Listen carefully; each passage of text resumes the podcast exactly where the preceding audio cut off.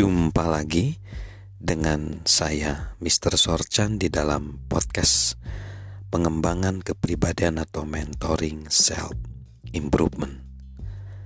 Pada saat ini, konteks besar kita bagaimana menjadi pribadi yang bertalenta plus atau lebih dari sekedar talenta.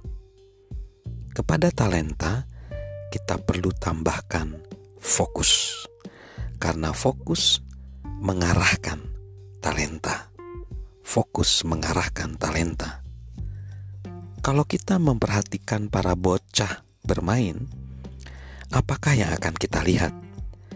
Dengan tangkas, mereka beralih dari satu permainan ke permainan yang lain, dan dari satu aktivitas ke aktivitas lainnya energi mereka banyak terkuras, tapi hanya sedikit yang dihasilkan.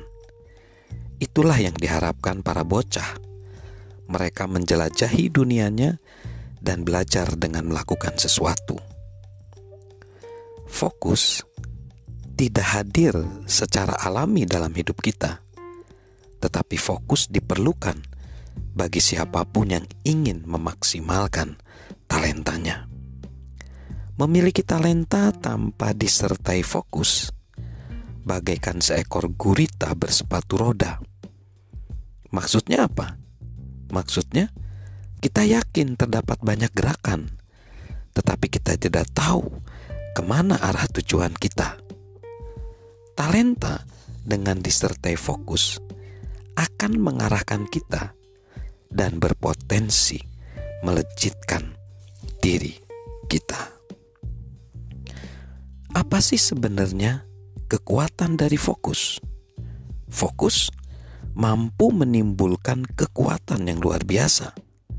Tanpa fokus, kita akan sering merasa bingung dan tidak mampu menyelesaikan sesuatu dengan baik.